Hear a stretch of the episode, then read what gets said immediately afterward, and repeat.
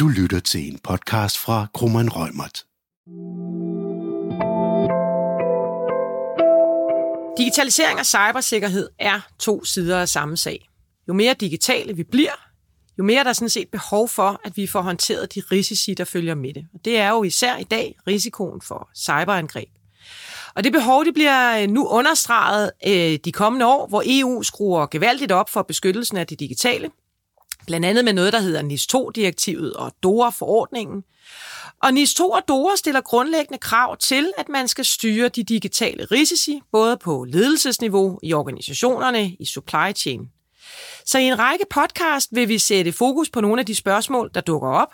Det er blandt andet spørgsmålet om ledelsesansvar, spørgsmålet om risikostyring og leverandørforhold. Og i det her afsnit kommer vi lidt dybere ind på risikostyring. Hvad er det egentlig på cyberområdet, og hvad er ledelsens opgave, når vi siger, at man skal rammesætte digital risikostyring? Jeg hedder Christel Tejlers, og jeg er advokat og partner her i Krummernd Rømert. Og med mig til at belyse dagens emne, så har jeg inviteret dig, Søren Skibsted. Og vil du kort lige præsentere dig selv? Jeg hedder som sagt Søren Skibsted, og også partner i Krummernd Rømert. Det var det, vores fantasi kunne række, kunne række til, og er til daglig leder vores IT-outsourcing-afdeling. Og Christel og jeg, vi har, som du sagde sidst vi mødtes, en vis form for konamor til det her emne. Det er, det er vigtigt, og det er spændende, og det ligger naturligt inden for vores erfaring. Og i det her afsnit, der skal vi komme lidt ind på, nu har jeg sagt, kaldt det for cybersikkerhed og operationel resiliens som en risikostyringsdisciplin. Og med far for, at der er allerede nogen nu, der tænker, nu slukker jeg for podcasten, det bliver for svært og bøvlet. Øhm, så vil jeg egentlig sige, at noget af det, som der øh, gik op for mig i de her mange år, vi efterhånden har arbejdet med det her, det er, hvor svært det egentlig kan være at få styr på ikke-finansielle risici. Finansielle risici, de er lidt nemmere, vi har meget regulering på dem, vi har øvet os længe på dem, men når vi snakker ikke-finansielle risici, som for eksempel IT-risici, ESG eller AI, der kommer nu, så mangler vi simpelthen nogle rammeværk eller nogle modeller for, hvordan vi tilgår det. Og det var noget af det, som, øhm, som jeg gerne vil tale om i dag. Og jeg vil gerne tage udgangspunkt i egentlig nogle af de krav, der kommer i NIS 2 og DORA, som handler om, at ledelsen, egentlig også organisationen og medarbejderne, men ledelsen skal nu følge kurser og modtage træning i risikostyringspraksiser på cyberområdet. Og så kan man stille sig selv det spørgsmål. Hvorfor er det egentlig nødvendigt at lovregulere, at du skal følge et kursus i risikostyring? Ja, og hvorfor skal EU i det hele taget blande sig i det, hvor herre bevares? Men det synes jeg personligt, der er en, en, en rigtig god grund til.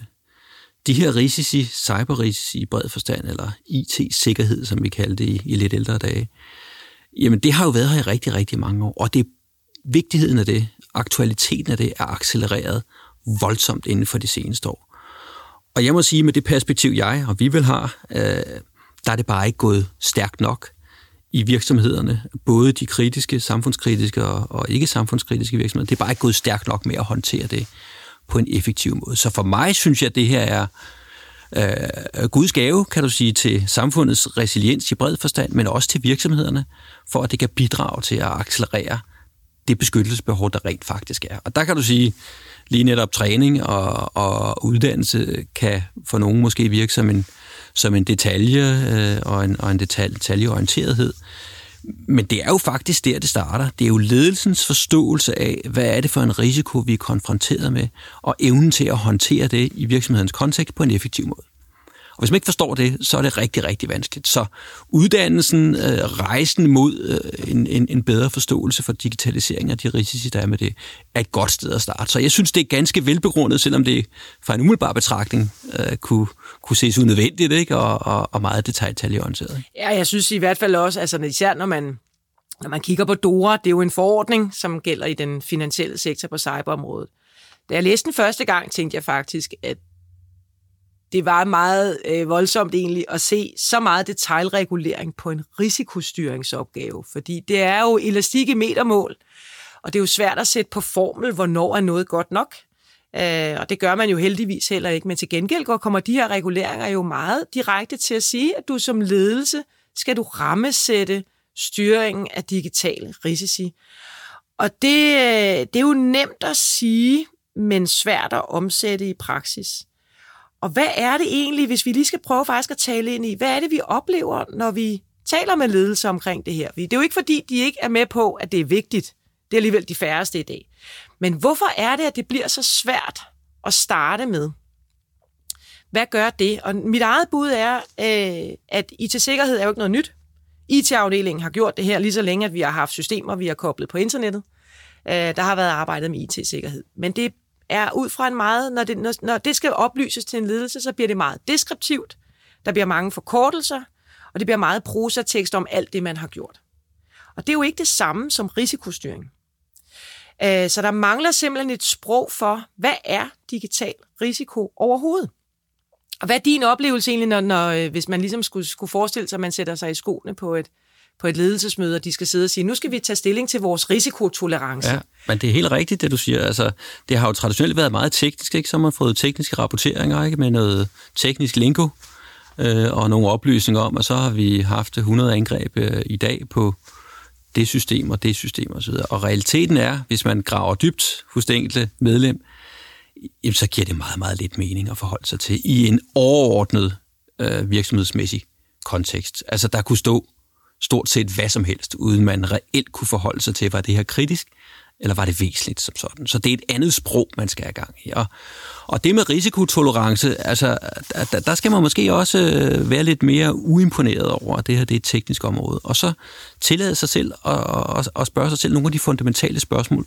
Værdierne ligger meget ofte i de fundamentale spørgsmål omkring risikohåndtering. Så hvad er vores centrale digitale aktiver her, og hvad, hvordan er de eksponeret? Og, og, og, hvad hvis de rent faktisk så bliver kompromitteret af et hackerangreb, om det er fra en kriminel eller en statsaktør? Hvad så? Altså på det niveau, så hæve det op på det, et væsentlighedsniveau og et niveau, der handler om virksomhedens centrale aktiver, og så have en dialog på det grundlag og ikke nødvendigvis tale om systemer, eller forkortelser, eller hændelser, eller hvordan det nu end rapporteres fra en teknisk synsvinkel. Det er ikke en teknisk disciplin, det er, det, det er en ledelsesmæssig disciplin, og man må gerne, og man skal rent faktisk, tale om det her i ledelsesmæssige vendinger. Og der er forskellige tilgange til det her. Um, helt overordnet, så taler man ofte om, at uh, enten så kigger vi på sådan en hændelsesbaseret tilgang, altså det vi gerne vil beskytte os mod, det er, at vi bliver ramt af et ransomware-angreb, eller at der er et eller andet af de her ydre faktorer, som, som vi gerne vil beskytte os imod, og hvordan, hvordan er vi beskyttet imod det.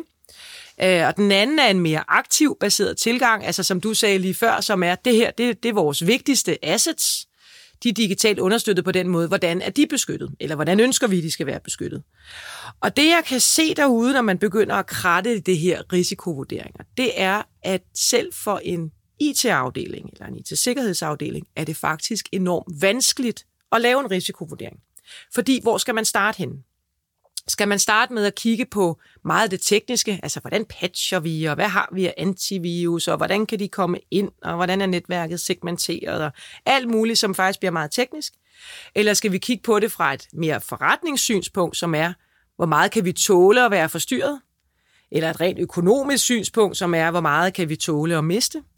Og det er der ikke noget klart svar på derude lige nu. Der er ikke én rigtig måde at lave risikovurderinger på, men det jeg kan se, der sker, og der, hvor der er rigtig meget af, der er noget, der ligesom går lost in translation fra, øh, fra dem, fra, fra fagpersonerne til ledelsen, det er, at de har faktisk heller ikke fået den drøftelse. Hvordan ønsker vi overhovedet at se på det? Ønsker vi en hændelsesbaseret? Ønsker vi en aktiv baseret? Ønsker vi egentlig måske mere en, hvad koster det på bundlinjen? Altså, hvor meget kan vi tåle? Eller måske en blanding af dem. Og det er faktisk noget af der, hvor, hvor noget af, øhm, at misforståelserne starter, det er, at man egentlig mangler, at ledelsen er med til at have en holdning til, hvordan de ønsker at få det her rapporteret. Og det er det, som, øh, som jeg tror, der, der bliver den helt store læringskurve her de kommende år, som ledelserne faktisk skal, og det er noget af det, der ligger i den træning, man også skal modtage, det er faktisk, at man skal være med til at definere eller rammesætte, hvordan ønsker vi egentlig at tilgå det her, og ikke nødvendigvis, hvordan man lige skal lave IT-sikkerhed på en meget detaljeret måde nede i organisationen. Men man kan vel godt sige, hvis man skal læne sig lidt ud, altså, så det er i hvert fald min opfattelse, man skal ikke starte bottom-up. Altså, så, så det, det, det er for mig meningsløst at få rapporteret på alle systemer, hvordan har man øh, patchet det, og hvad er sikkerheden, og hvad er muligheden for et angreb, og hvad hvis de er nede. Fordi så er aktiviteten endeløs. Mm. Det skal være ud fra, kan du sige, en risikobaseret, en væsentligheds tankegang, ikke? hvordan man ligesom går, går til det her. Og der er for mig at se en vej, og det er top-down, hvor man må spørge sig selv, hvad er det, der er væsentligt for os? Hvilke processer er væsentlige?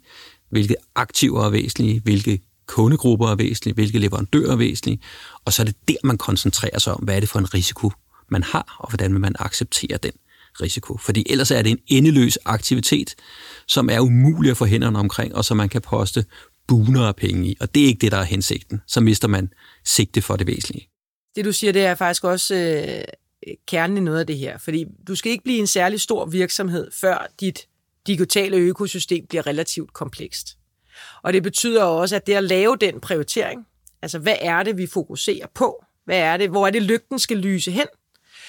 Og hvordan ønsker vi, at vores governance skal være internt? Altså, hvem skal gøre hvad? Hvem skal have hvilke roller? Det er jo det, der er ledelsesopgaven, fordi problematikken, tror jeg for rigtig mange er i dag, det er, at IT eller CISO'en, eller hvordan, man, hvordan, hvilke roller man nu har, føler virkelig, de ejer det her. Det kan jeg faktisk godt forstå, fordi det er jo kernen i meget af deres område. De har siddet med IT og infrastrukturen og det digitale, og det er også dem, der har siddet med beslutningerne omkring, hvad er det, vi skal implementere for at beskytte det. Men problemet i dag er, at der, der er jo mere, der peger ind end bare at bespare. Det var ikke for at undervurdere det, men, men der er mere, der peger ind end en teknisk foranstaltning. Det er også det organisatoriske, det er også træningen, det er også, hvordan vi ønsker at købe ind, hvilke kontrakter vi skal have, hvilke forsikringer vi skal have. Og det er jo det, når vi siger, at ledelsen skal læne sig ind i det og rammesætte det, at vi også mener, altså den governance, fordi det er jo ikke noget, enkelte faggrupper kan beslutte mellem sig selv, hvordan de skal fordele det. Det har du brug for nogen, der faktisk sætter den ramme for, ligesom man gør på andre områder. Og på den måde tror jeg egentlig det her, uden at sammenligne det med ESG i øvrigt, men jo er meget af det, som virksomhederne også bokser med, for eksempel på ESG-området, som jo i høj grad bliver en rapporteringsøvelse. Og rapporteringer kommer til at definere, hvad er det for nogle informationer, vi skal samle ind. Det er jo det, ledelsen skal være med til at ligesom diktere, hvordan skal vi samle det ind, hvem ja. skal bidrage, hvad er der vigtigt, at man får, det, hvilket billede, hvilket helhedsbillede ønsker vi at blive bibragt, ja. for at vi kan træffe Og jeg havde nær sagt, stakkels SISU, ja fordi øh, de får så ofte ansvaret for virksomhedens samlede cyberhåndtering. Og, og, og de har et ansvar for den tekniske del, men det er kun en del af det samlede ansvar for virksomhedens cyberrobusthed. Øh, men de får typisk den opgave alligevel at, at håndtere. Og man kan jo også bare, hvis man så nøjes med at, at, at spole ind på, på, på det tekniske område, altså hvor skal man gribe og starte og slutte? Altså man er jo nødt til at have noget, noget guidance, eller have en, en, en informeret dialog med ledelsen om, hvor er det, vi skal sætte ind, for du kan jo blive ved. Mm. Altså, der er jo alle mulige fantastiskheder derude for at beskytte ens virksomhed, og man kan aldrig få en nul-tolerance. Du er nødt til at prioritere og vælge til og fra, og den skal foregå i en dans, i en dialog mellem ledelse og CISO'en. Det kan vedkommende ikke selv meningsfuldt øh, at gøre. Og det er jo interessant, når du siger stakkels CISO, fordi øh, det er jo også en rolle, som i dag er ved at få fuldstændig udvidet sit kompetencescope. Altså hidtil har det jo i deres essens været at stå for et informationssikkerhedssystem, måske baseret på en ISO-standard, og rulle det ud. I høj grad noget, der er procesorienteret, øh, policyorienteret, som jo lige pludselig nu begynder også at blive sådan risikostyring på tværs af organisationen. Og det er jo heller egentlig ikke noget, man nødvendigvis kan forvente, en CISO-rolle kan i dag øh, at kunne forstå, ligesom, hvordan skal vi prioritere. Og det utaknemmelige her bliver jo også, og det tror jeg, mange, der har siddet med til ansvar i mange år, kan genkende til, det er, jamen du får bare, du får næsten kun utak, hvis noget går galt. Og naturen i sådan en verden her er, det går jo altid galt på et eller andet tidspunkt. Så man kan sige, øh, altså det, det, det er sådan en øh, lidt doom for failure. Øh, you're damned if you do, you're damned if you don't. Og det er derfor, man skal have ledelsen med ind over til rent faktisk at give en, en prioriteret rækkefølge og en fornemmelse af investeringslysten her. Jeg havde næsten sagt, at heja SISO, ikke? Øh, jeg hæber på SISO, fordi der er jo virkelighed en, en kæmpe mulighed for at være virkelig værdiskabende for virksomheden. Ikke? Så for den enkelte CISO er der jo en rejse også at tage, ikke bare at tænke på informationssikkerhed i lidt snæver forstand, men i virkeligheden udbrede sit kompetencefelt til risikoanalyse og risikohåndtering i bredere forstand. Ikke? Med henblik på, at det løftes op til et ledelsesmæssigt lag, og rollen også løftes op til et ledelsesmæssigt lag. Så der er virkelig en rejse og et potentiale for, for, for, for SISU'en i en velfungerende virksomhed. Og det er et meget godt udgangspunkt lige for det næste tema, der, som, øh, som øh, jeg tænkte, vi skulle berøre. Fordi noget af det, vi ofte hører, det er, at jamen, vi, vi følger ISO, altså typisk øh, 27001-serien i et eller andet omfang, øh, og derfor så mener vores IT-afdeling, at så er vi også NIS 2 compliant. Så fordi man ligesom har fulgt en ISO-standard, så, eller er blevet certificeret, øh, så er det stort set det samme. Er det nok egentlig bare, bare i situationstegn, men er det nok bare at følge en standard på området? Og så er man NIS 2 compliant, hvis det var det, der var spørgsmålet. Nej, det er det helt sikkert ikke. Det er en misforståelse. Altså, de, de forskellige øh, nister, ISO'er og og hvad der ellers måtte være derude, er jo rigtig gode redskaber, som du kan være velbegrundet og have implementeret dem. Og har man implementeret dem, så viser man jo i hvert fald, at man har seriøst arbejdet med nogle af de her forhold. Men det er jo en rammesætning. Det er et rammeværktøj, som man bruger. Og det siger jo ingenting om, Øh, et valg om, om risikotolerance eller risikotilgang. Og risikotilgang måske, men ikke risikotolerance og ledelsens eksplicite valg om, hvordan vi går til det her. Ikke? Så det er fint, og det viser en seriøst arbejdende virksomhed, men det gør der ikke compliance, og det kommer ikke hele vejen rundt i den forstand, at virksomhedens ledelse skal stadig tage øh, nogle af de skridt og have nogle af de overvejelser, som vi, som vi allerede har berørt her i, i podcasten. Så hvad ligger der ellers derude i dag? Udover selvfølgelig standarderne, hvad, øh, hvad, hvad kunne man ellers tage fat i, hvis man vil have gode råd på et mere sådan forretningsmæssigt eller ledelsesmæssigt niveau? Ja, der ligger jo ikke så mange, men der ligger jo blandt andet det, som du og jeg har været med til at lave, og så må man jo under, underlægge det, underkaste en, en kildekritik, øh, når, når vi markedsfører det. Men, men, men det gør vi sådan set kun fordi, at vi synes, de er ganske gode. Og der ligger bestyrelsesforeningens vejledning, øh, som efterhånden er blevet ganske omfattende, øh, som man kan tage udgangspunkt i, og der ligger IBA's øh, globale vejledning om, hvordan øh, man på tværs af 10 forskellige jurisdiktioner griber det her an som ledelse og bestyrelse, hvis man gør det på en god og, og effektiv måde. Og begge ting giver nogle meget konkrete anvisninger på, hvordan griber man det her an. Og det er rigtig svært at se, hvis man kigger andre steder hen, at der er noget, kan du sige, lige så konkret og lige så operationelt. Så det vil være et godt sted at starte, og man behøver ikke nødvendigvis at være, øh, kan du sige, full compliant med alt det, der skrives der. Men, men det vil være god latin at forholde sig til anbefalingerne, og nogle af dem synes man måske ikke i ens konkrete kontekst er velbegrundet, men så kan man i dokumenterbart format forholde sig til, hvorfor er det ikke tilfældet. Så kører man den liste igennem og forholder sig til, om man vil eller ikke vil, og, og, og begrunder det, så er man kommet rigtig, rigtig langt. Det, det er et rigtig godt sted at starte. Det vil jeg selv gøre. Og øh, hvis man tænker, øh, jeg har ikke tid til lige at åbne de anbefalinger nu, eller jeg åbner dem, og så tænker jeg, det var godt nok mange sider, så kan vi måske lige give highlightsene nu her. Fordi hvilke spørgsmål kunne man med fordel stille sig selv, hvis man sad som bestyrelses- eller direktionsmedlem og skulle i gang med det her? Pixie-Pixie-versionen, som er vel den, du, du spørger til, øh, jamen det er, at man med sine ledelseskollegaer forholder sig til, hvor er de mest værdiskabende aktiver hos os. Procesmæssigt, øh, IT-mæssigt, produktionsmæssigt, kundemæssigt, leverandørmæssigt. Det kan være meget forskellige arter, afhængig af, hvad for en virksomhed er. Hvad er det? Og hvordan er de aktiver i bred forstand eksponeret for en risici, og hvad hvis de rent faktisk rammes af de mest typiske risici? Og hvad vil vi så gøre ved det herunder investeringsmæssigt? Relativt banalt håndtering af ikke-finansielle risici det er måden at, at, at håndtere det på. Og man kan sådan set vælge at håndtere det på rigtig mange forskellige måder, og stadig være NIS 2 eller DORA compliance, men man skal gøre det på et oplyst grundlag og have en seriøs og ordentlig dialog blandt ledelsesmedlemmerne for at leve op til NIS 2 og DORA.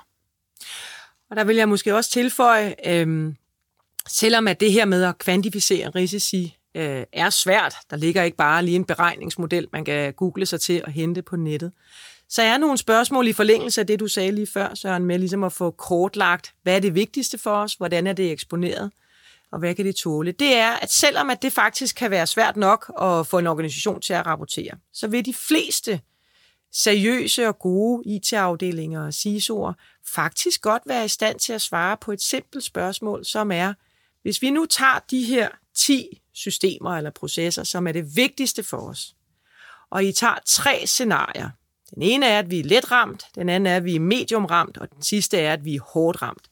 Kan I fortælle os, hvor hurtigt kan vi komme tilbage? Hvad er planen for det? Og hvor meget vil vi nok have i omkostninger, give and take? Det vil de fleste faktisk godt kunne svare på, og allerede der vil man egentlig som ledelsesmedlem, øh, tror jeg, sidde tilbage med et meget bedre billede af, okay, er det nok for os nu? Det vil det ikke være for de fleste, men det er et godt sted at starte dialogen på. Ja, og særligt hvis man koncentrerer sig om de væsentlige systemer og de væsentlige processer, så man ikke mister overblikket. Så vil man have et rigtig godt udgangspunkt. Så det ikke, så det ikke drukner netop i alle detaljerne. Det var det, vi havde øh, for i dag. I det næste podcast-afsnit sætter vi fokus på ansvar i leverandørkontrakter. Vi håber, at I fik noget med videre, og er glade for, at I lyttede med. Tak for nu. Du har lyttet til en podcast fra Krummeren Rømert. Podcasten er udtryk for vores specialisters opfattelse af retsstillingen på nuværende tidspunkt. Vær opmærksom på, at retsstillingen godt kan udvikle sig løbende i takt med, at der kommer ny praksis på området. Hvis du ønsker at vide mere om emnet, så kan du tilmelde dig vores nyhedsbreve eller finde mere indhold på vores lønningscenter på grummanrøgmer.com. Du er også velkommen til at kontakte vores specialister.